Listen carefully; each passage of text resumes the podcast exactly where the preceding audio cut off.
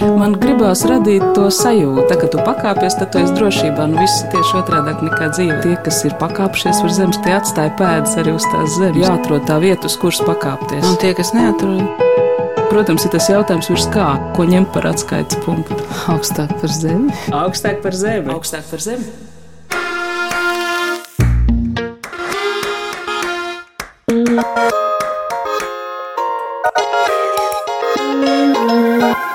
Tandems. Tandems.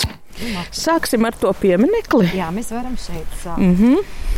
Tagad aizvedu, un tagad izdomāju. Esiet sveicināti! Šodienas raidījumā dosimies uz Brakiem, Rudolfa Blaumaņa memoriālo muzeju Ērgļu novadā. Mans vārds ir Anna Bušvica, un mana ceļvede Brakos ir muzeja vadītāja Zinta Saulīte.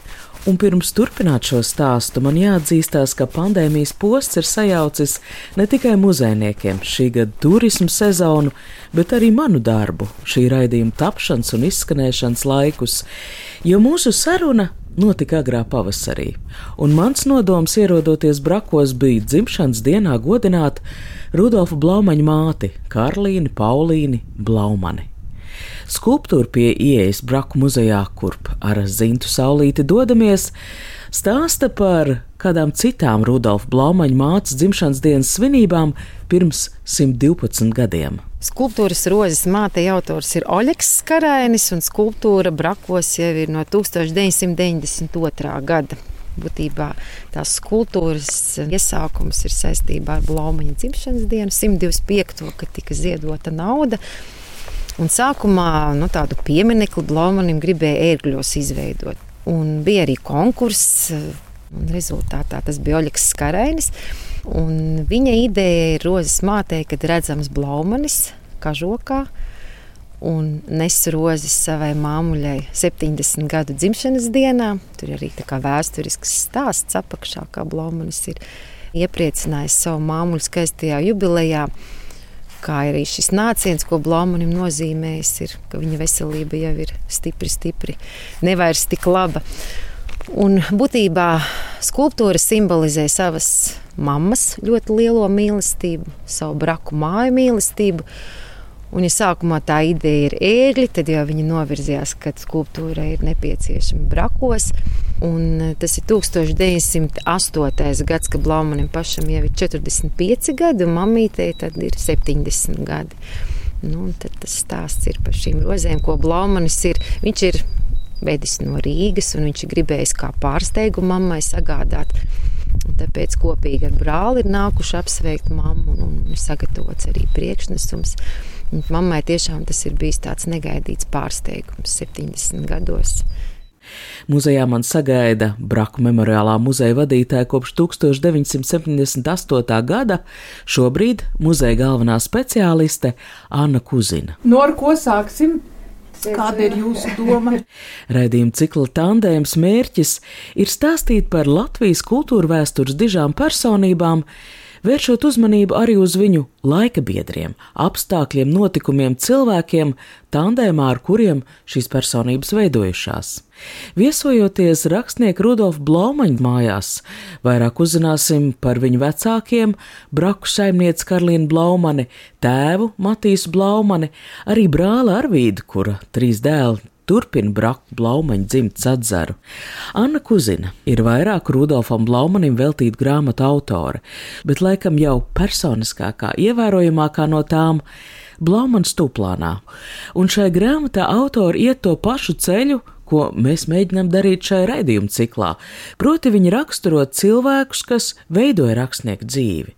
Tad arī jautāju, cik daudz zināms par rakstnieku māti Karlīnu Blaumani. Mēs par viņu daudz neko nezinām, faktiski. Mm -hmm. Jo redziet, kas ir ar Karlīnu Blaumani. Par viņu ir ziņas tikai tik daudz, cik ir rakstījuši laika biedri un e, cik ir Rudolfs Blaumanis, cik var nojaust, ir tēlojis savu māti darbos, savos literārajos darbos.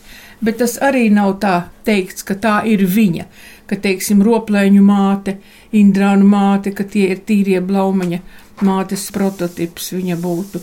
Un ir vesela virkne stāstu arī, kur var nojaust mātes tēlu, bet tā ir tikai nojauta, jo Vēstuļu nav. Starp viņiem bija sirsnīgas, mīļas, draudzīgas, labas attiecības, bet par to ir rakstījuši citi. Mātei noteikti Rudolfs Blaumanis ir sūtījis daudz vēstuļu no Rīgas, no Valmieras, no Pēterburgas, kur viņš ir dzīvojis. Bet e, dīvaini tas varbūt arī tas nav dīvaini, jo mamma to nespēja novērtēt. Viņa viņa vēstules vienkārši sameta krāsnī. Nu, kam viņas glabāt?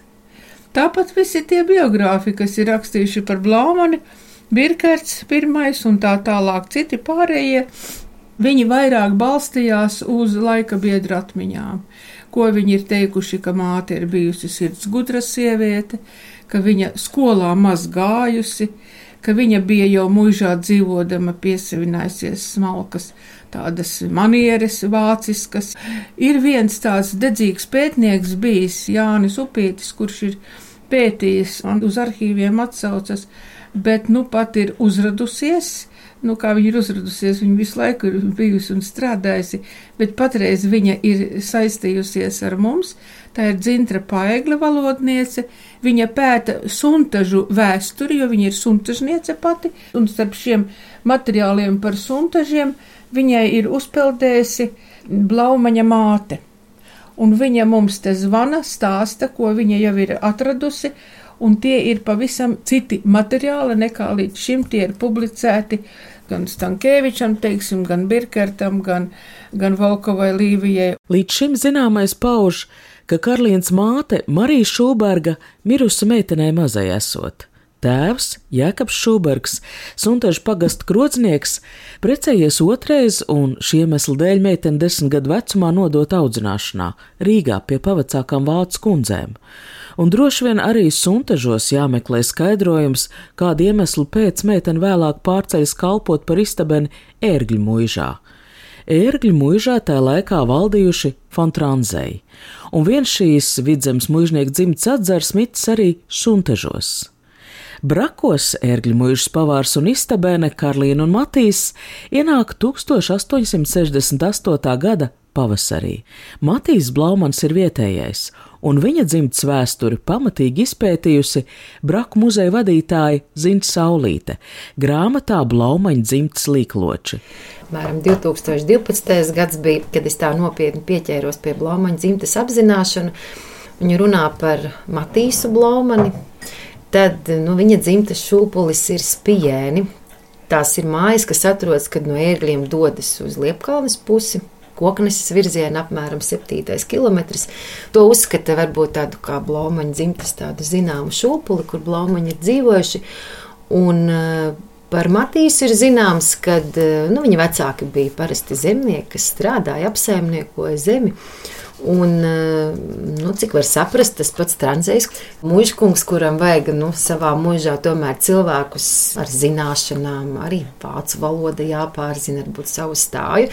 Un kaut kādā veidā Matīs Blaumanis kā pusaudzis jau ir ievērots, un viņš ir nokļuvis ēgļu mūžā un ir strādājis tādus sākumā varbūt netik ievērojamus darbiņus, sanest tur malku vai ūdeni mūžas virtuvē un pamazām, pamazām, kamēr viņš ir kļuvis par mūžas pavāru tādu iecienītu un ievērojumu. Un nepavēlta Anna arī ir pieslēgusies un ir izdota arī Blaumaņa pavāra grāmata, kas ir būtībā arī kā veltījums Matīsam Blaumaņam. Man patiešām viņu vairs dabā nav, man viena ir kaut kur krājumā. 2013. gadā iznākusī Annas Kuzinas sastādītā Blaumaņa pavāra grāmata ātri tika izpirkta. Tur ir ļoti daudzas vecas pavāra grāmatas izmantotas, kuras Blaumaņa tēvs Matīs varētu būt lasīt Latvijas, un no kurām arī gatavoja, ņēma receptes un gatavoja kungiem to ēdienu.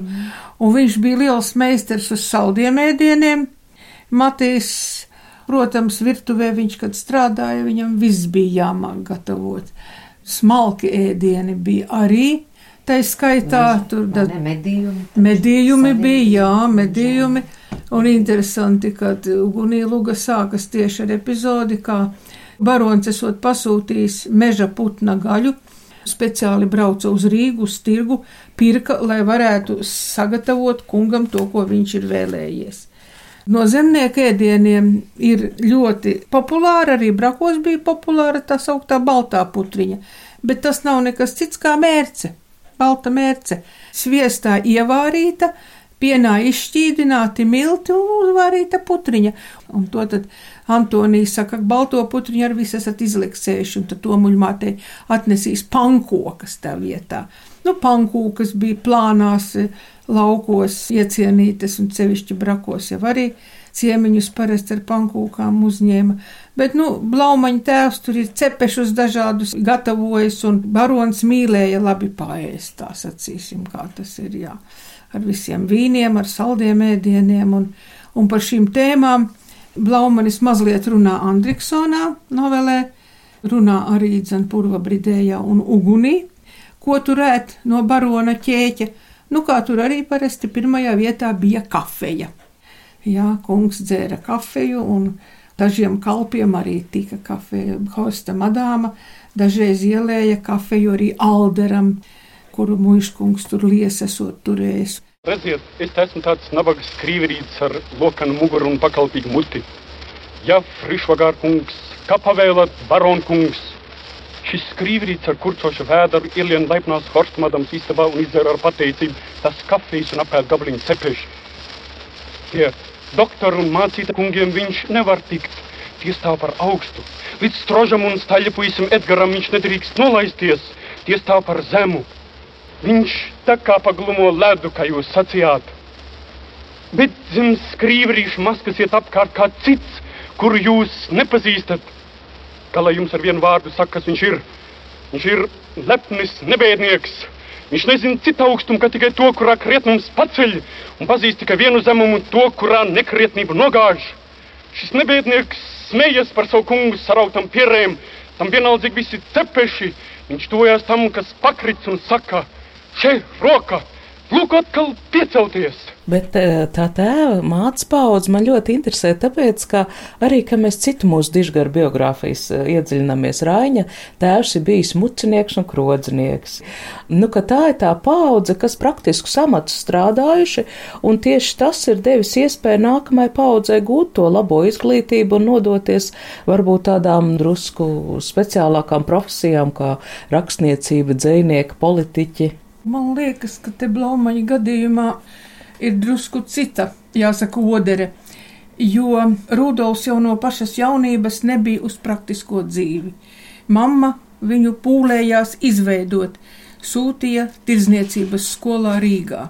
Pēc tam, kad tur redz, ka tas amats viņam nelips, klāt tas komersanta gēna viņam nebija, tad viņu uz koknesi par mūžas pārvaldnieku grib iztaisīt.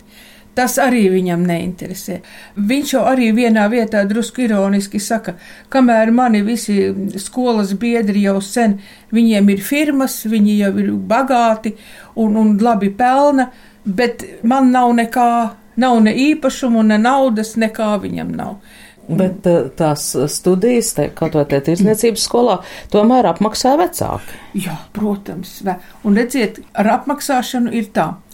Blaumaņa tēvs bija pavārs. Labs pavārs. Tad, kad viņi atnāca no ērgļu mūžas uz brakiem dzīvot par rentniekiem, tad Matīs nu, gadus dažus pamēģināja būt par zemnieku, bet viņam nevedās tas darbs, jo viņa pirmkārt veselība nebija vairs tik stipra, un eh, viņam Tomēr tas pavāra amats laikam bija tā sirdī jaudzis, ka viņš bez tā nevarēja. Un viņš ļoti labprāt gāja pa apkārtnes saimnieku mājām, pusmuižiņām, nu, kur viņu aicināja un rīkoja goda mīlestus. Un tajā laikā viņš pelnīja neticami daudz, ja viņš pa nedēļu varēja nopelnīt 20 rubļus, un cits kalps pa gadu tik nenopelnīja, cik viņš pa nedēļu.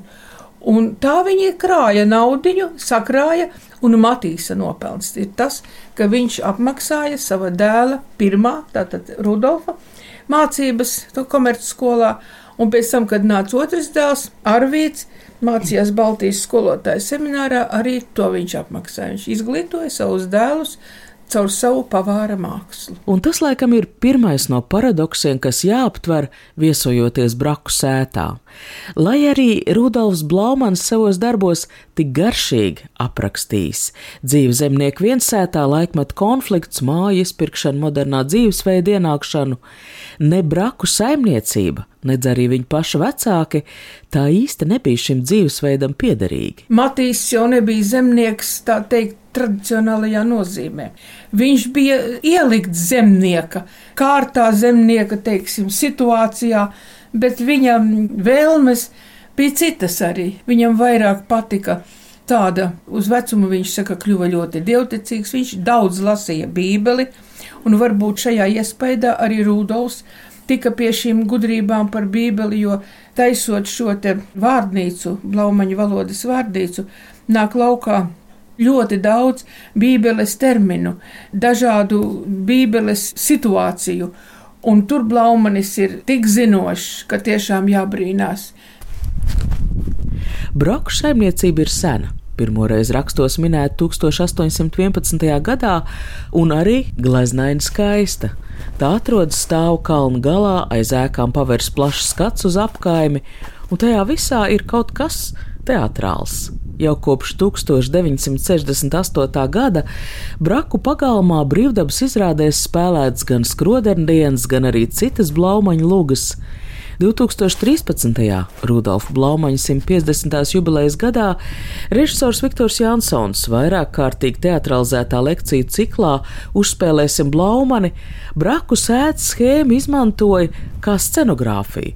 Viņš stāstīja par šo slēgto perimetru veidojošo māju taisnstūri, ko savieno iemītnieku taciņas no mājas uz kūti, uz klēti, uz aku, kā par cilvēciskas esamības kosmosa schēmu. Ar Braku muzeja vadītāju Zintu Saulīti mēs turpinām ekskursiju, nu jau īstajā Braku pagalmā, un mani ir satriecis tikko uzzināts fakts. Bet sakiet, tas guļbaļķu ēku kvadrāts, es saprotu, tas ir uzcelts no jauna. Jā, Brakiem mēs pagājušajā gadā nosvinējām 60 gadu dzimšanas dienu, un Braku ēkas tīri vēsturiski, kādas viņas bija agrāk, viņas ir atjaunotajā versijā. Un braku atjaunošanas darbi sākās 1958. gadā. Muzeja vadītājs ir Jānis Čirškalns. 50. gadu beigās ir diezgan labvēlīga arī politiskā situācija, kad kultūras ministrs ir Valdemārs Kalpiņš. Braki būtībā kļūst kā Madonas muzeja filiāli, kur arī ir ļoti enerģiska vadītāja Elza Rudenāja.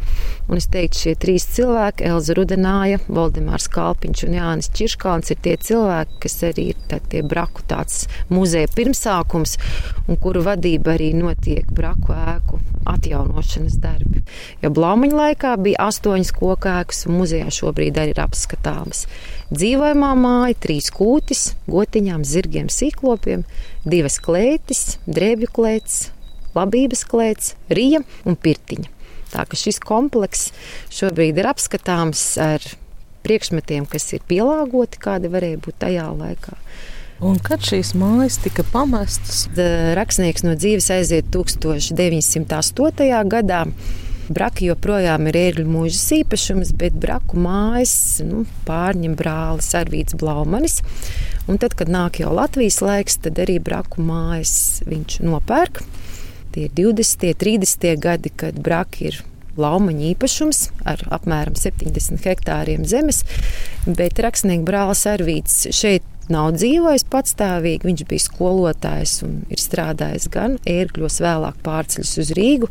Varētu teikt, viņš ir kā tāds nu, svētdienas ciemiņš savā mājās, bet Brakos ir vienmēr dzīvojusi kāda rentnieku ģimenīte. Un tad Arvīts ar savu ģimeni atbrauc vai nu pavasarām dzīvot, vai kādām brīvākām dienām uz Ziemassvētkiem.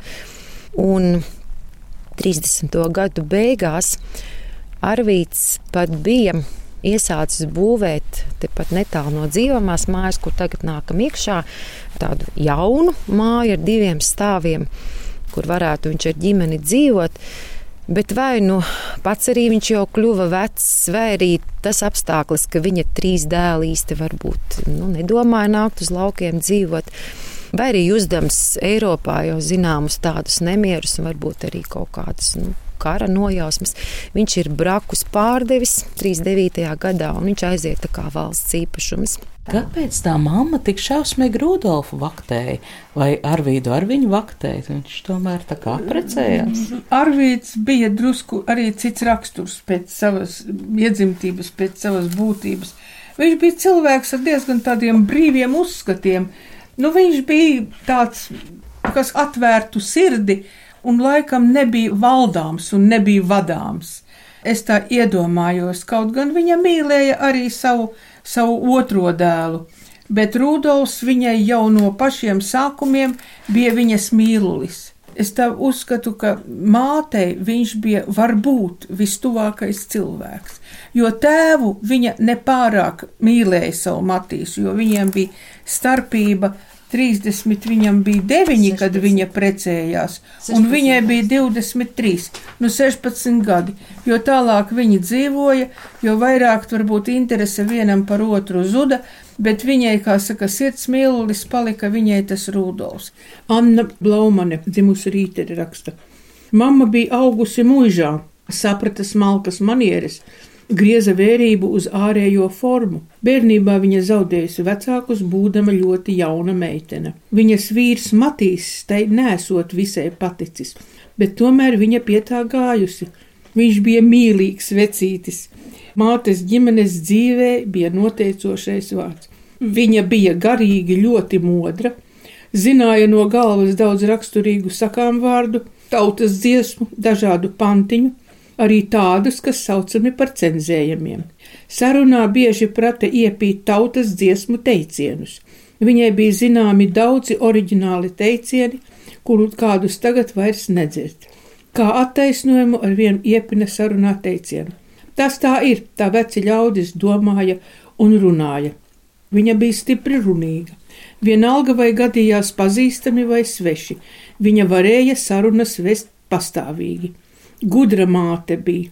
Kad gadījās kādas ciešanas, viņa prata savaldīties, smaidīt, kad sirds bija sāpju pilna.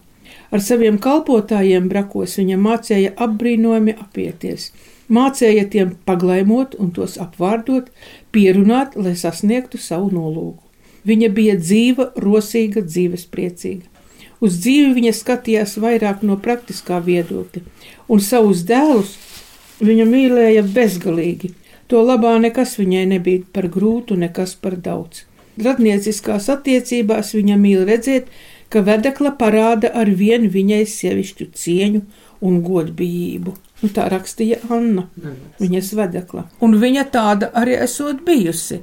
Nu, viņa varēja saturēt gan to braku saimniecību, gan arī Rudolfa dzīvi viņa saturēja stingrās rokās un nepieļāva nekad nekādu iespējamību, ka braki varētu nokļūt kādas citas sievietes pārziņā, bet ne viņas. Viņa te bija galvenā, un viņai te bija jāpaliek galvenajai, jo māte savu vietu nebūtu atdevusi nevienai. Kaut gan mēģinājumi bija Rudolfam šeit.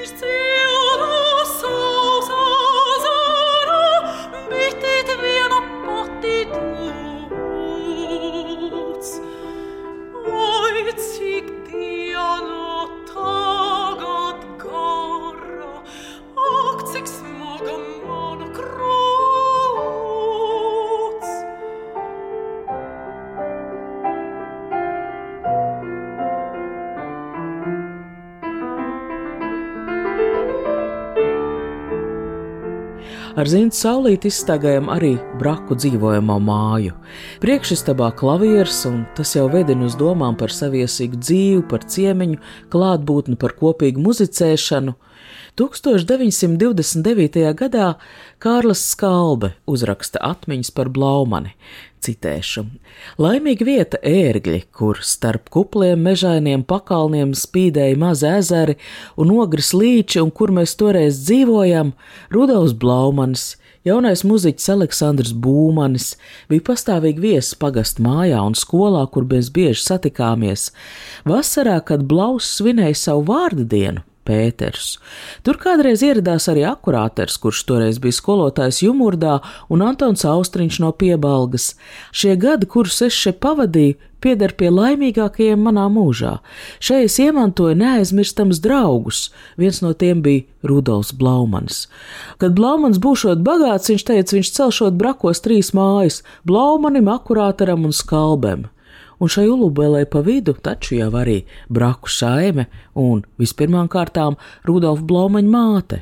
Jā, viņai patika jaunatnes vidū būt, viņa pati bija omulīga, runātīga, un viņa biedrojās labprāt ar jauniešiem, jo visi tie, kas bija Rudolfa Blaumaņa draugi un, un paziņas, Viktors Seglītis, saka, Mandrijus Niedra, Emīlis Melngailis un daudzi citi, viņi bija izglītoti puiši. Un mamma to visu tā uztvēra, ka viņa ar to arī tiek pacelta savā tādā nozīmīgumā, ka viņa ir Rudolfa mamma un ka viņa spēja viņus uzņemt, uzcienāt, cept viņiem pankūkas, vārīt tēju, iet pat rotaļās, dziedāt ar viņiem kopā, jautrus nostāstus pārrunāt.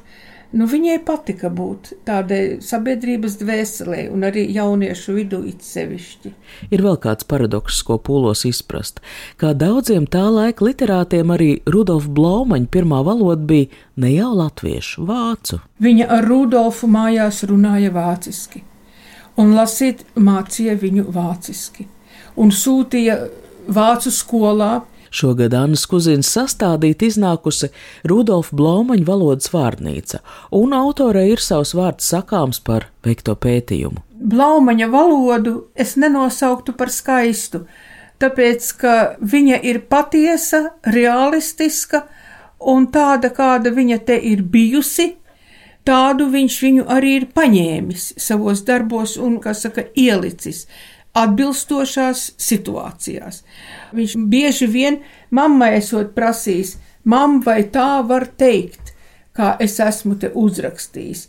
Nu, pieņemsim, es uzšķiru vārdu nopūlināt, nopūlēt, nogurdināt. Dūders saka, tu strādā darbu, kas tevi gan kā skarbs ienaidnieks nopūlina līdz beidzamam, bet no kura tu vakarā tomēr šķiries kā godīgs uzvarētājs. Nu, panskas, piemēram, vārds panskas, jā. Ja. Nu, kurš šodien saka panskas, vecas novalkātas drēbes? Tagad tās sauc par humpalām. Jā, jā, jā, tās ir humpalas. Agrāk teica panskas. nu, tālūk ir. Blaumanis ir unikāls tieši ar to, ka viņš ar savu to ausi un rakstnieka aci un redzīgo sirdi ir visu to savācis, salicis, ielicis savos darbos, un man liekas, visvairāk no viņa tādiem īpatnējiem vārdiem dzirkstīs krodardienas silmačos, kuri tik daudz, piemēram, Pindaks saka, visi noļi apsitami.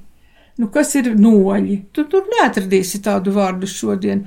Visi noļi, nu tas ir visi cilvēki, kas tev nav patīkami, noļi ir noļi, ir noļi. Paskatīsimies, kā viņš tiek iztūkots.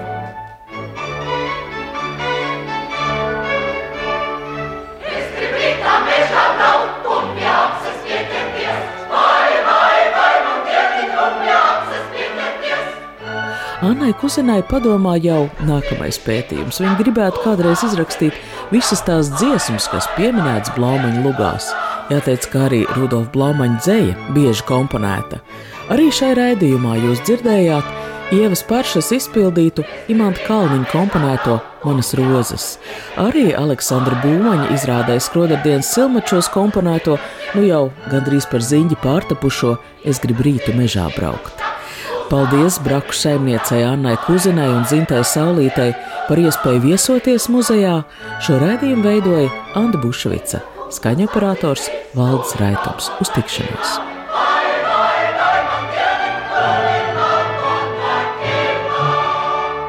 Tā kā tu pakāpies, tad tu esi drošībā. Nu, viss ir tieši otrādi nekā dzīve. Tas ir tā spēle, jā. Tie, kas ir pakāpšies virs zemes, tie atstāja pēdas arī uz tās zemes. Protams, ir tas jautājums, ko ņemt par atskaites punktu. Nē, nu, principā ir skaidrs, augstāk par zemi. Jāatrod tā vieta, uz kuras pakāpties. Augstāk par zemi. Augstāk par zemi. Augstāk par zemi.